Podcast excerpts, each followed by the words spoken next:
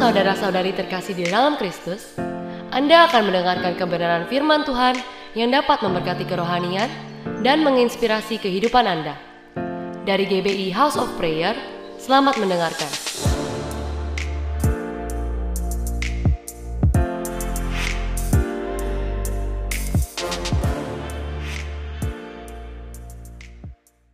Oke, shalom Bapak Ibu. Sekali lagi shalom. Oke, apa kabar Bapak Ibu? Ya, di bulan ke-11 Bapak Ibu ya. Dari 12 bulan lamanya Bapak Ibu, kita sudah di penghujung tahun ya Bapak Ibu ya. Di penghujung tahun ya dan terlagi Natal ya Bapak Ibu ya. Ya. Oke Bapak Ibu ya dan saya yakin Bapak Ibu di waktu-waktu belakangan ini Bapak Ibu Tuhan masih terus bekerja. Amin Bapak Ibu ya. Tuhan akan makin terus mengerjakan semua yang terbaik buat kehidupan Bapak Ibu. Amin. Nah Bapak Ibu pagi hari ini saya mau berbagi mengikuti apa yang menjadi tema di bulan November di gereja lokal di tempat ini. Saya pikir mungkin bukan tema yang menarik buat beberapa orang Bapak Ibu ya bukan tema yang mungkin umum yang sering kali Bapak Ibu senangi topik-topik favorit Bapak Ibu ya. Saya yakin Bapak Ibu di banyak tempat ya, walaupun di, nggak di semua tempat ya.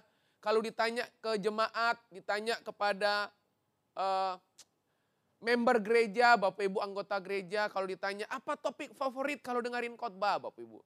Saya yakin Bapak Ibu ada banyak yang akan berkata, Pak saya senang kalau yang dikhotbahkan itu tentang bagaimana melewati cobaan seperti lagu tadi. Oke. Saya tertarik Pak kalau saya dengerin khotbah yang judulnya Tuhan tidak pernah ingkar janji. Ya. Saya senang Pak kalau dengerin khotbah tentang iman yang menerobos. Ya. Saya senang khotbah Pak kalau dengerinnya untuk muatkan saya melewati banyak persoalan Bapak Ibu. Nah hari ini Bapak Ibu saya sangat mendukung kalau kemudian gereja lokal di tempat ini menempatkan topik ini sebagai topik bahasan. Sebab Bapak Ibu, Bapak Ibu dengar baik-baik, gereja itu dipanggil bukan untuk menyesuaikan. Gereja itu dipanggil bukan untuk menyesuaikan, enggak, enggak. Gereja itu dipanggil untuk menularkan.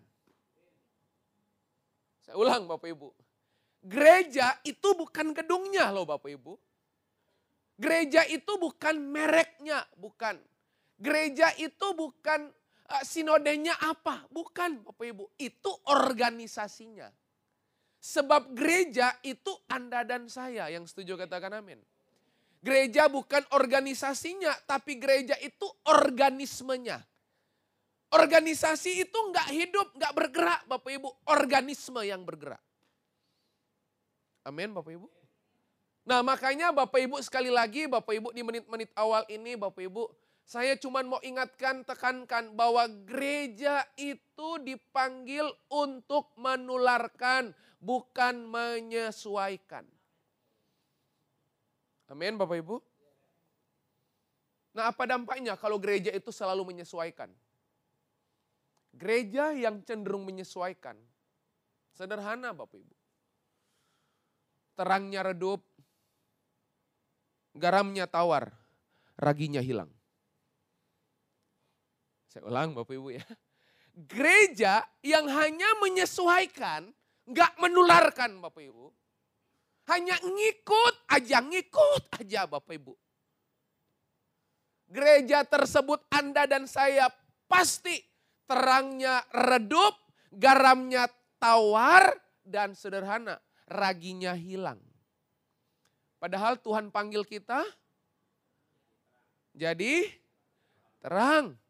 Garam harus asin, raginya harus mempengaruhi Bapak Ibu.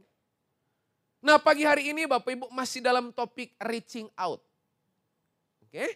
reaching out ya atau outreach. Karena panggilan gereja itu ada yang namanya upreach, inreach, dan outreach. pelan-pelan Bapak Ibu ya. Ulang Bapak Ibu ya, gereja itu panggilannya tiga. Buk, tiga Bapak Ibu. Yang pertama, uprits, hubungan dengan Tuhan. Up, ke atas. In, sesama. Out dengan yang di, di luar sana. Amin Bapak Ibu. Dan saya yakin Bapak Ibu, nih dari sini saya ucapkan. Gereja yang tidak menjalankan amanat agung bukan gereja. Ulang. Gereja yang tidak menjalankan amanat agung itu karikatur gereja. Bukan gereja yang sesungguhnya. Sebab Anda dan saya dipanggil untuk untuk apa Bapak Ibu? Menjangkau. Outreach, menjangkau yang terhilang. Bapak Ibu.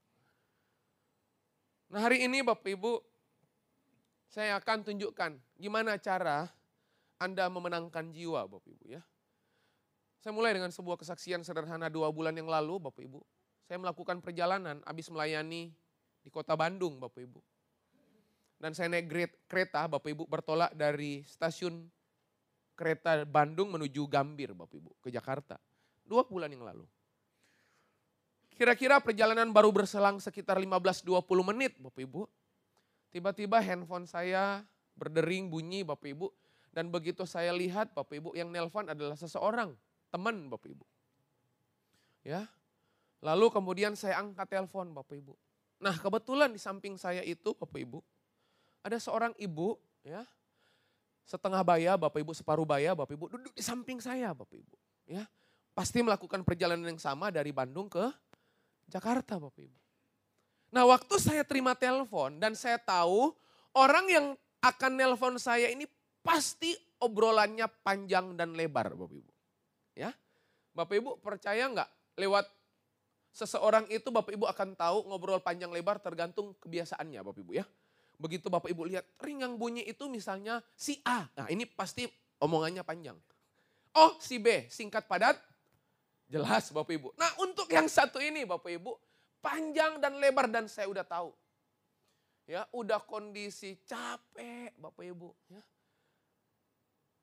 Biasanya kalau udah kondisi capek harapannya apa Bapak Ibu? Tidur istirahat di kereta lagi Bapak Ibu ya. Gak kena macet Bapak Ibu ya. Saya lihat, aduh ya. Tapi di hati saya ada dorongan, terima. Ya. Bapak Ibu percaya nggak? Semua hal-hal yang rohani selalu bertentangan dengan daging.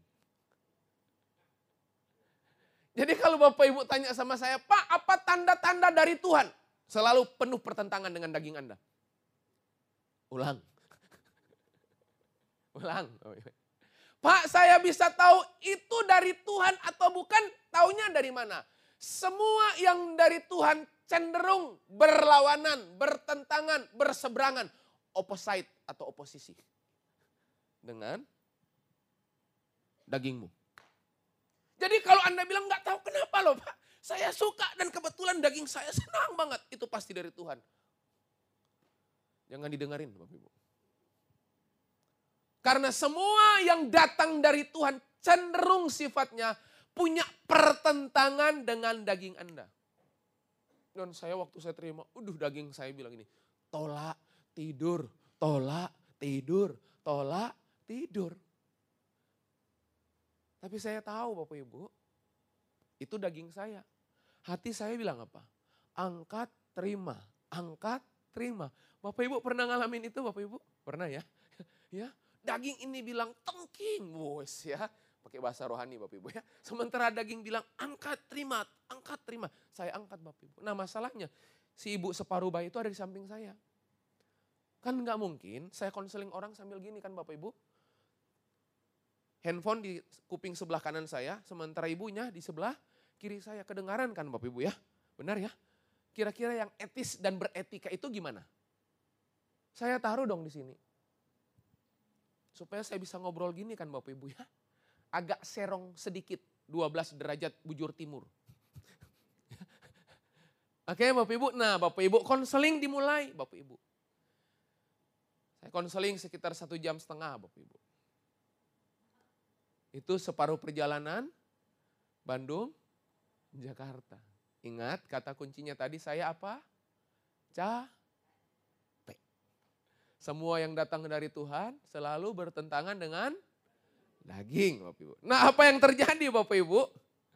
Satu setengah jam saya konseling Bapak Ibu. Panas kuping kiri, sekali-sekali pindah kuping kanan Bapak Ibu ya. Udah mulai pindah lagi Bapak Ibu. Dan begitu saya tutup telepon Bapak Ibu, saya tutup telepon, saat saya tutup.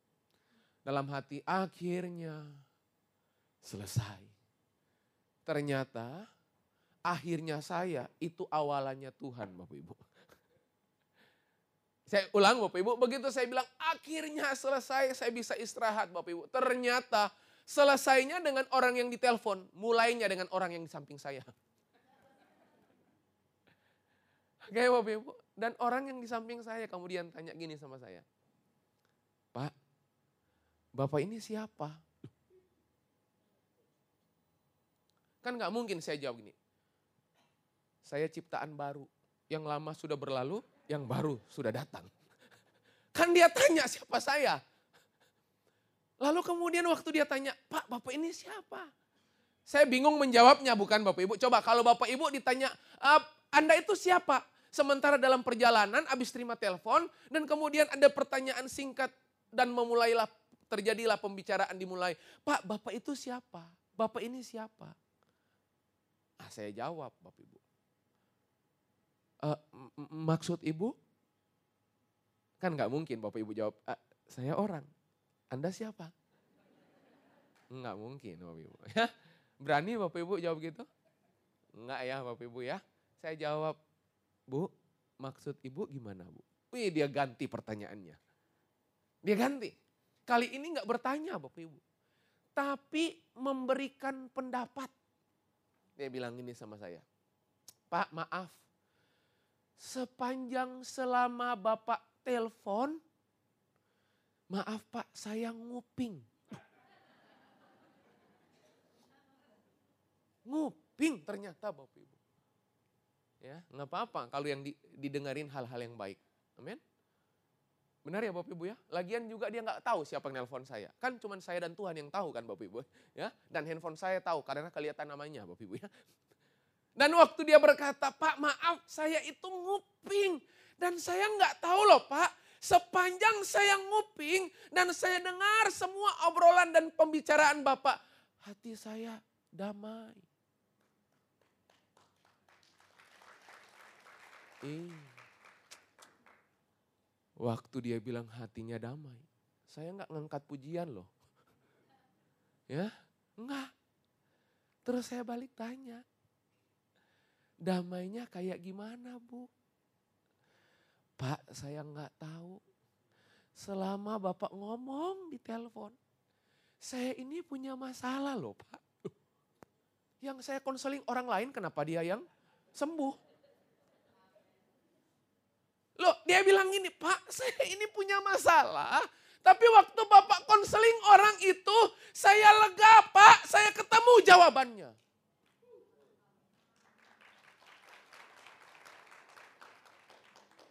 Saya doa, Bapak Ibu, bukan cuman pintar tepuk tangan.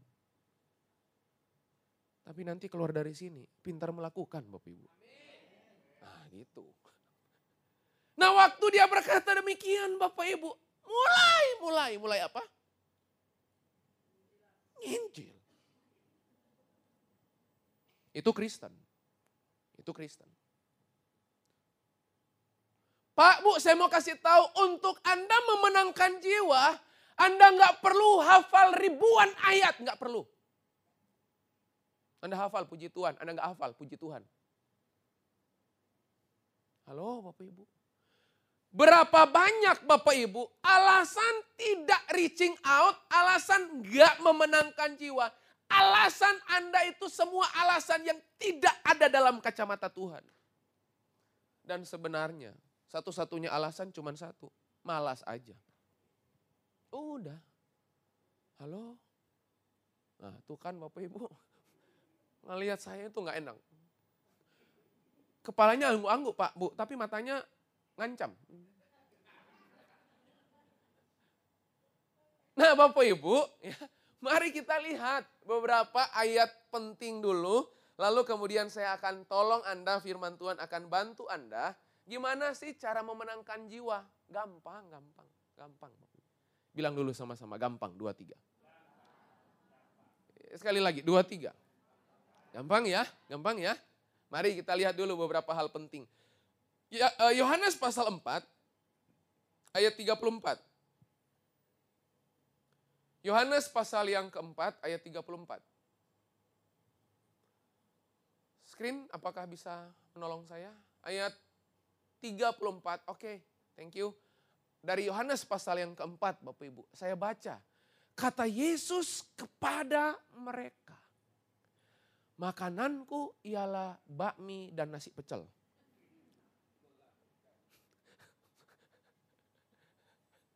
Percaya Yesus juga manusia?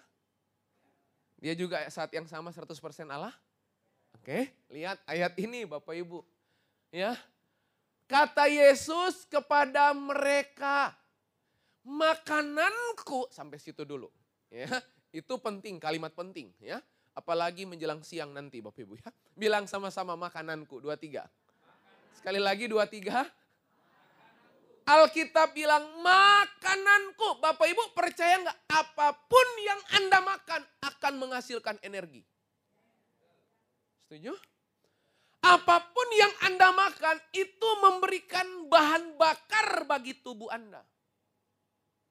Jadi rupanya apa yang Yesus makan itu yang bikin dia bugar. Lo setuju nggak? Setuju Bapak Ibu? Apa yang Anda makan di harian Anda, itu yang menyebabkan tubuh Anda jadi bugar apa enggak. Nah hebatnya, Yesus Bapak Ibu, Yesus yang bikin rohnya bugar, tuh baca Bapak Ibu. Makananku ialah melakukan kehendak dia.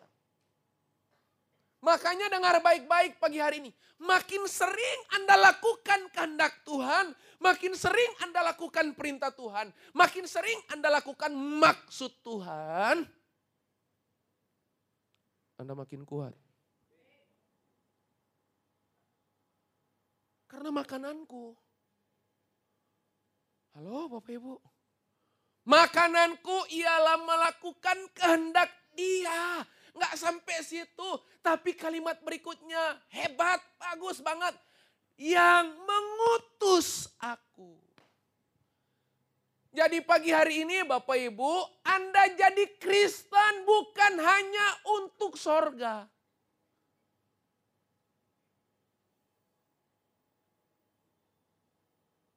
Puji Tuhan Pak, dapat paspor ke sorga.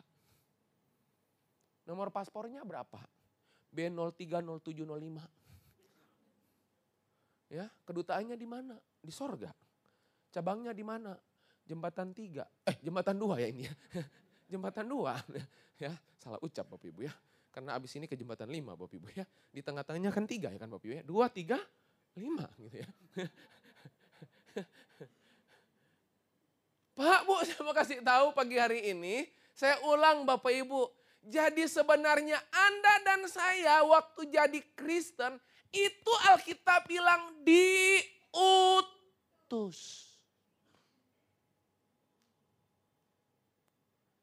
Melakukan kehendak dia yang mengutus aku dan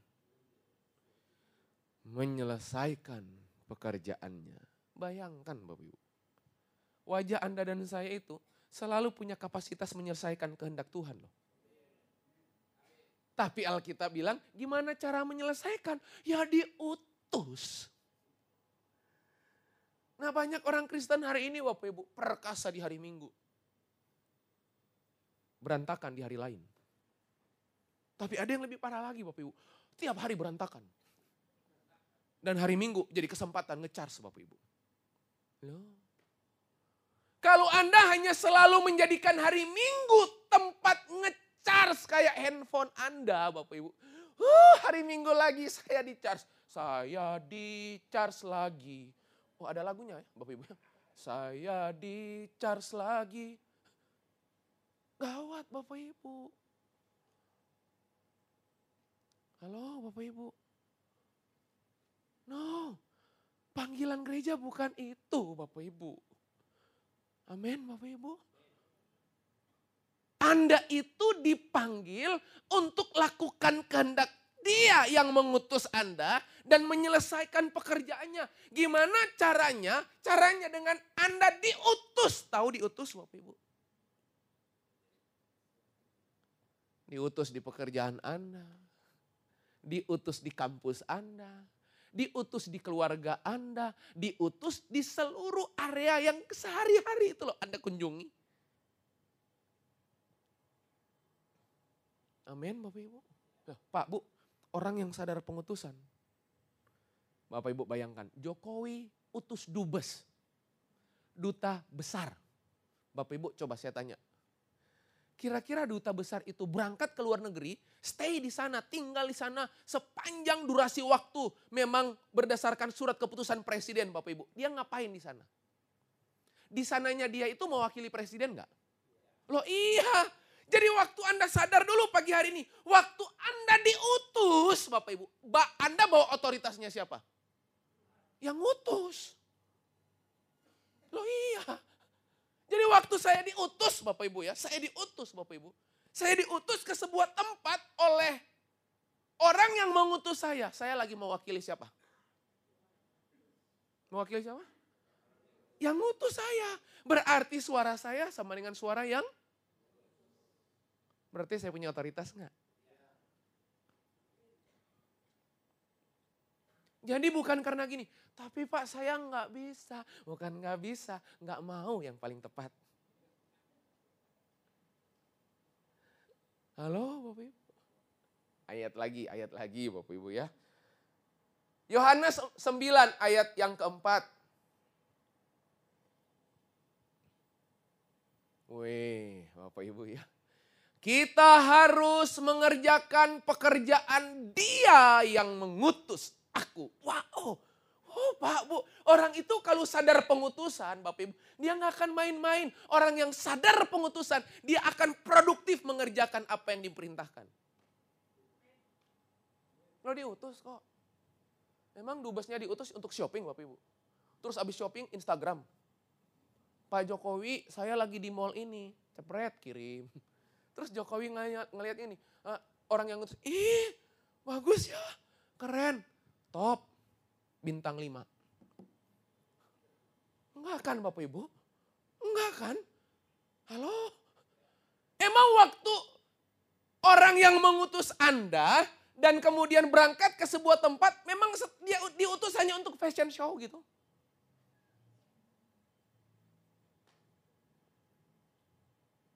Bukan Bapak Ibu, bukan.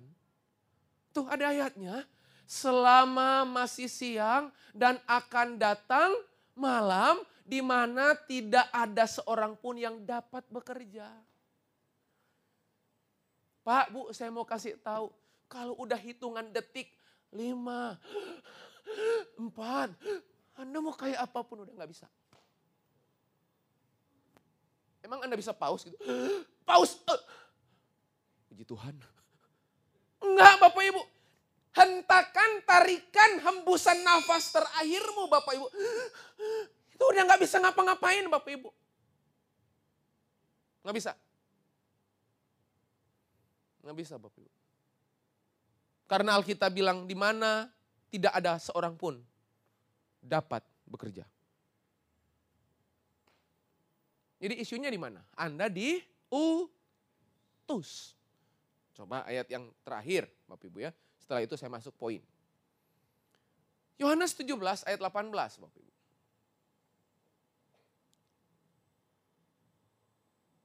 Yohanes 17 ayat 18.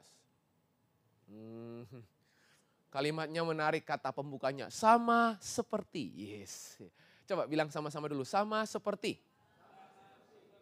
Oke, sekali lagi. Sama seperti. Oke, Bapak Ibu tahu arti sama seperti? Itu sepertinya sama loh. Itu ya, sama seperti ya. Oke, Bapak Ibu ya. Nah, sama seperti berarti mirip enggak? Sama enggak? Sama seperti engkau telah mengutus aku ke dalam dunia. Jadi Anda diutus ke mana Bapak Ibu? Dunia. Oke, dunia Anda yang mana? Kantor Anda. Dunia yang Anda yang mana? Kampus Anda. Dunia Anda yang mana? Keluarga Anda. Dunia Anda mana? Toko Anda itu.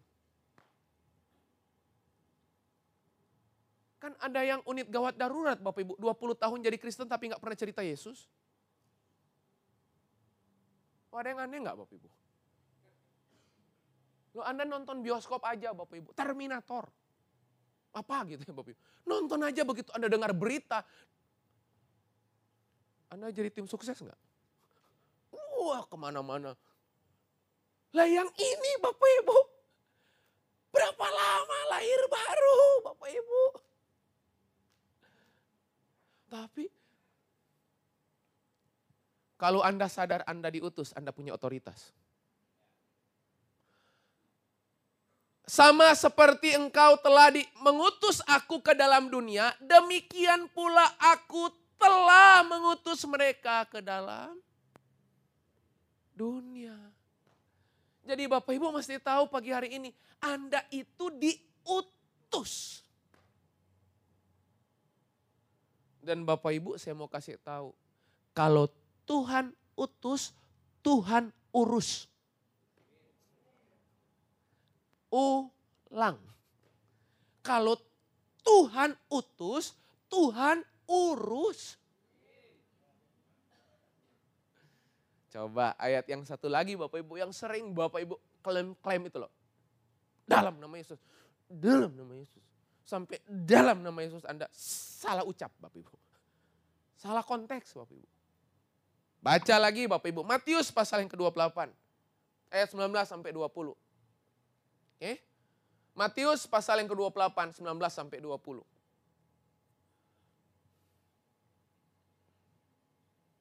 Karena itu apa? Karena itu apa?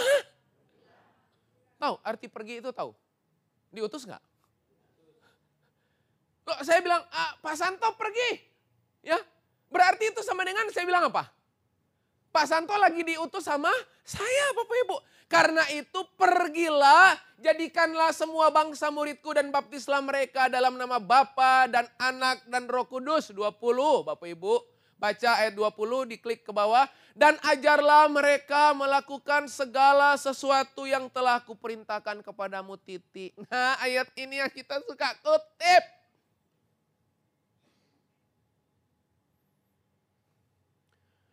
Dan ketahuilah. Hmm, itu yang paling kita suka bukan? Yang bagian ini. Dan ketahuilah, aku menyertai kamu senantiasa sampai kepada akhir zaman. Eh, kita kutip itu, kita klaim itu Pak, Bu, ayat ini ditulis berlaku, Anda alami janji ini kalau Anda ada di ladang pengutusan.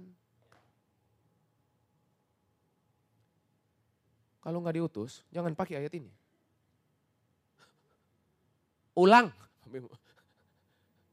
ayat ini dan ketahuilah aku sertai kamu senantiasa sampai kepada akhir zaman. Ini dikatakan Yesus, ditulis Yesus buat murid-muridnya yang akan diutus. Mau lihat penyertaan Tuhan sampai kepada akhir zaman? Masuk dalam pengutusan. Oh iya. Bapak Ibu,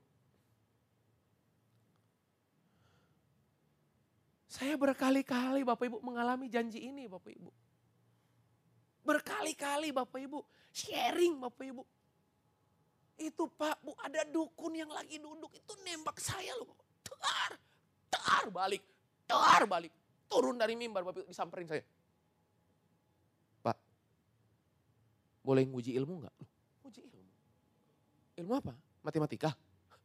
Fisika gitu? Oh, bo boleh, boleh. Oh, bu, bukan Pak. Bapak punya sesuatu ya di dalam Bapak? Oh, di dalam saya ada paru-paru, jantung. Enggak Pak. Bapak punya sesuatu itu pasti.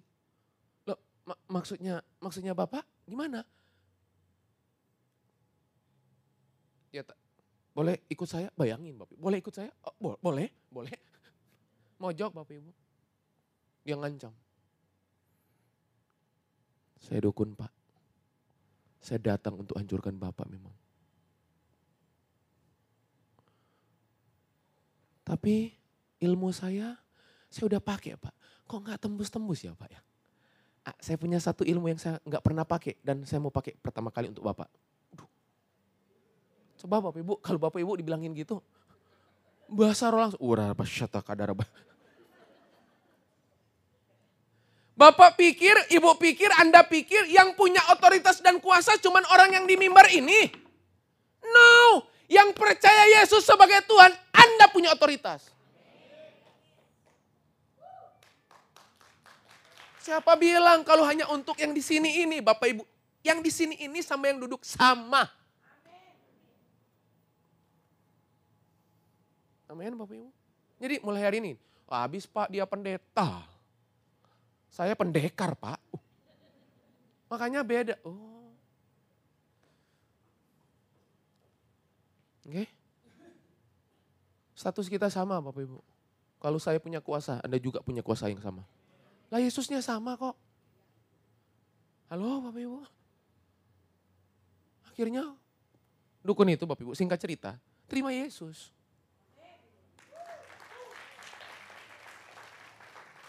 Dua tahun berselang, meninggal kecelakaan. Tapi jiwanya kan udah diselamatkan. Udah tercatat nama saya. Jeffrey. Tik. Mahkota kemuliaan nanti. Bapak Ibu saya mau kasih tahu. Satu-satunya ayat yang secara tegas bilang malaikat itu bersuka cita loh. Karena ada jiwa yang diselamatkan. Bukan karena doamu. Halo? Bukan karena puasamu. Malaikat di surga itu bersuka cita. Bersuka cita tahu Bapak Ibu. Karena ada satu, satu aja satu itu. Amin Bapak Ibu. Jadi pagi hari ini Anda harus sadar Anda diutus. Bilang dulu sama-sama. Dua, tiga. Saya sadar, saya diutus. Dan saya percaya, saya punya kuasa. Dan kuasa itu telah berdiam di dalam saya.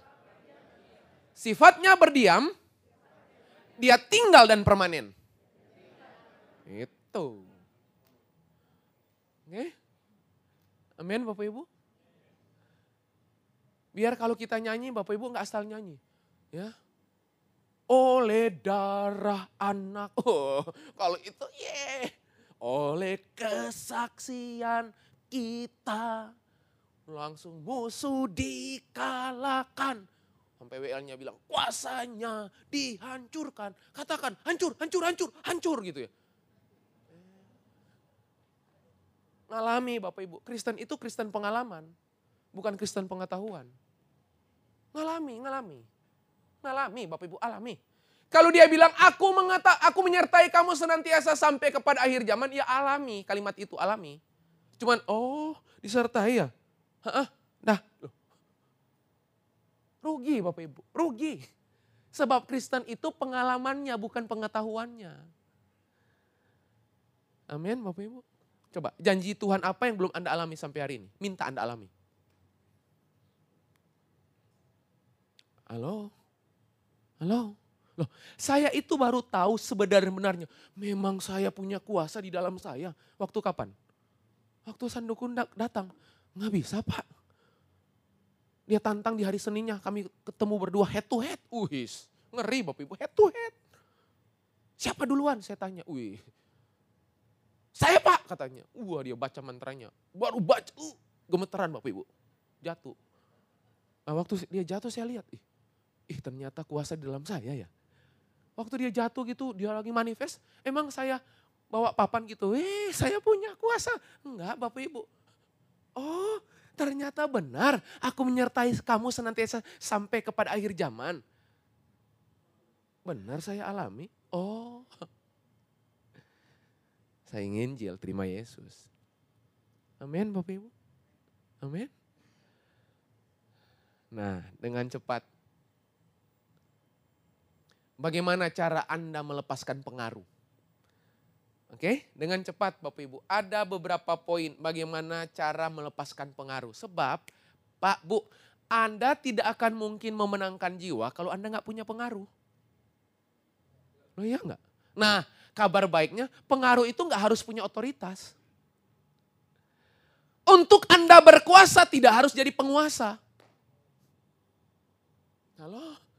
Loh tapi sekarang saya punya, saya berkuasa loh Pak di kantor saya. Puji Tuhan apalagi kalau itu. Nah jangan sampai Anda punya kuasa, Anda penguasa, tapi Anda tidak melakukan apa pun dengan status Anda, jabatan, posisi Anda sebagai pemimpin penguasa. Halo? Nah, sekarang pagi hari ini Bapak Ibu, ada beberapa langkah. Bagaimana supaya Anda melepaskan pengaruh. Sebab pengaruhmu Bapak Ibu akan membuat Anda terakses. Pengaruhmu itu akan membuat Anda mudah memenangkan jiwa ceritakan Yesus. Ujungnya itu bukan nanti dia terima dulu Bapak Ibu. Yang penting Anda berani cerita. Masalah dia terima apa enggak, urusan belakang. Urusan belakang. Jangkau dia Bapak Ibu. Ajak dia ke live. Ajak dia ke ibadah gereja lokal Bapak Ibu. Bisa segala macam cara Bapak Ibu. Nah yang pertama Bapak Ibu, Orang hanya akan bisa memenangkan jiwa atau bagaimana cara supaya Anda melepaskan pengaruh. Pak, Bu, yang pertama, pengaruh bisa datang lewat hubungan. Setuju Bapak Ibu? Kalau Anda punya hubungan dengan seseorang, kedekatan yang dalam dengan seseorang, Anda telah mempengaruhi orang itu enggak? Oh iya. Kalau nggak percaya, tanya anak Anda yang punya pacar. Bapak ibunya bilang gini, udah nggak boleh. Kalau papa udah putuskan nggak boleh, ya nggak boleh. Berontak anak-anak kan. Oh si papi nggak ngerti, nggak ngerti, nggak ngerti gitu. Eh tiba-tiba pacarnya nelpon bapak ibu, curhat sama pacarnya. Terus tiba-tiba bapak ibu tahu nggak pacarnya bilang gini, nggak apa-apa. Uh, papa benar kok, papa kamu itu benar kalimatnya. Udah benar tindakannya papa. Lulu nggak? Ya udah. Asal kamu setuju, ya udah, saya nurut. Paham maksud saya Bapak Ibu? Karena apa Bapak Ibu? Hubungan. Makanya Bapak Ibu susah mempengaruhi orang kalau Bapak Ibu nggak bangun hubungan dengan orang itu. Halo Bapak Ibu. Lawang yang di kereta aja tadi Bapak Ibu yang saya ceritakan. Itu cuma terhubung beberapa menit aja sih Pak Bu. Dia cerita. Saya punya masalah pak. Saya dengar bapak konseling orang di telepon, malah saya ketemu jawaban atas masalah saya loh. Emang saya konseling dia? Kalau Anda sadar Anda diutus, Tuhan akan punya cara membuat semuanya itu jadi mungkin. Halo Bapak Ibu. Makanya bangun hubungan Bapak Ibu. Karena hubungan itu akan menarik hati orang tersebut. Makanya Yesus cara menangkan Sakeus, dia tinggal di rumah bangun hubungan. Sakeus bertobat enggak? Hubungan. Karena hubungan mengubah banyak hal. Amin Bapak Ibu. Anda punya sahabat dekat Bapak Ibu? tempat curhat ya Bapak Ibu ya? Nggak tahu setelah Tuhan atau sebelum Tuhan. Nah waktu Anda curhat dengan orang itu Bapak Ibu. Bapak Ibu saya mau tanya, pertimbangan orang itu jadi pertimbangan Anda nggak? Oh iya. Kenapa Bapak Ibu? Karena hubungan. Makanya hubungan melepaskan pengaruh. Waktu hubungan melepaskan pengaruh, Bapak Ibu akan mudah menggiring orang nggak? Oh iya. Bapak Ibu kalau jualan produk tertentu, begitu Bapak Ibu punya hubungan dengan orang itu, Bapak Ibu telepon nggak orang itu? Eh, saya punya produk baru loh. Loh, orang itu nggak niat beli. Akhirnya dia beli karena mau bantu Anda. Loh hubungan, hubungan itu. Halo Bapak Ibu. Yang kedua, gimana cara Bapak Ibu supaya Anda gampang dan mudah memenangkan jiwa Bapak Ibu. Yang pertama hubungan, yang kedua Bapak Ibu lewat teladan. Halo? Ya bagaimana mungkin Bapak Ibu memenangkan anggota keluarga Anda. Lawang Anda nggak jadi teladan. Udah nggak jadi teladan, telatan Bapak Ibu. Ya nggak bisa Bapak Ibu. Halo? Mau lihat saya jangan lihat di mimbar Bapak Ibu. Jangan. Tanya sama anak istri saya dan pembantu saya kalau ada gitu ya. Tanya. Kasih kertas, tuliskan. Bagaimana pendapat Anda tentang Pak Jeffrey? Suruh tulis. Suruh anak saya komentar, ngevlog. Boleh, tanya Bapak Ibu. Halo? Kalau Anda jadi teladan Bapak Ibu, orang bisa datang bertanya sama Anda. Halo Bapak Ibu. Amin Bapak Ibu. Nah teladan itu nggak harus jadi teladan kesempurnaan. Enggak, enggak. Tuhan nggak mengajarkan teladan kesempurnaan. Tapi yang penting teladan kemajuan. Pak, dulu Pak. Hmm, kalau marah Pak. Bukan cuma iblis yang gemetar. Istri anak gemetar. Ya, kalau lagi marah Pak, udah. Sekarang Pak, kalau lagi marah kontrol. Tetap marah, kontrol tapi. Ada perubahan nggak? Itu teladan. Amin Bapak Ibu. Orang bisa lihat contoh perubahan hidup. Perubahan hidup itulah yang jadi kesaksian hidup Anda. Nah apa yang mau disaksikan kalau nggak ada yang berubah? Pak, nggak tahu kenapa Pak semenjak saya terima Yesus sebagai Tuhan dan Juru Selamat. Sifat perilaku saya makin kacau Pak. Orang ngelihatnya gini, eh? Terus apa hebatnya Yesusmu? Paham maksud saya Bapak Ibu? Contoh, model, teladan. Loh Bapak Ibu saya mau kasih tahu. Besar kemungkinan anak Anda tidak akan selalu mendengar nasihat Anda. Tapi anak Anda akan selalu pasti melihat perilaku Anda. Kalau Anda nasihati anak Anda, sering kali dia nggak bakal dengar nasihat Anda. Dia hanya akan tertarik pada perilaku Anda. Kalau papa lakukan, saya lakukan. Teladan. Amin Bapak Ibu. Yang terakhir, yang ketiga. Pertama apa Bapak Ibu? Yang kedua, teladan. Yang terakhir, pemain musik bisa bantu saya selesai. Yang terakhir Bapak Ibu.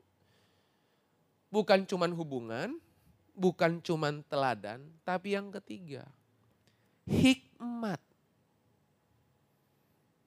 pengetahuan. Oke?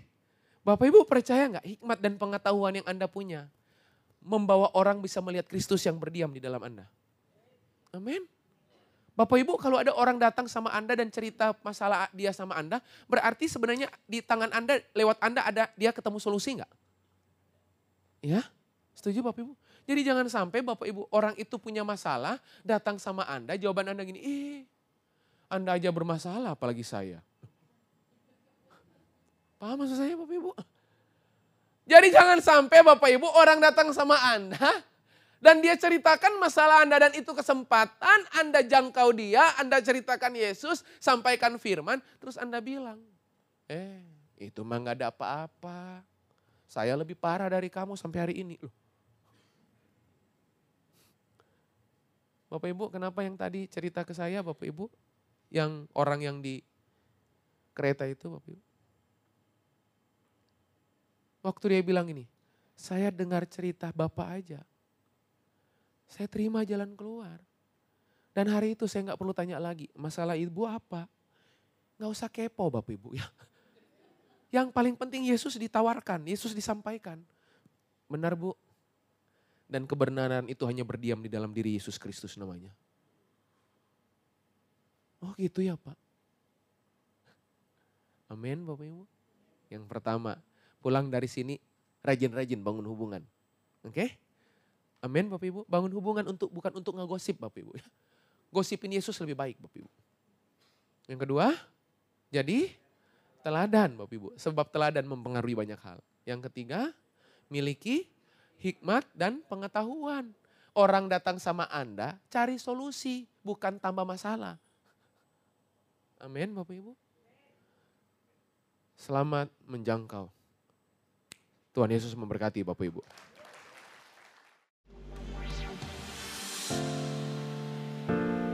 Anda telah mendengarkan sharing firman Tuhan yang disampaikan oleh hambanya. Dapatkan rekaman ibadah melalui website hope.church/sermon. Tuhan Yesus memberkati.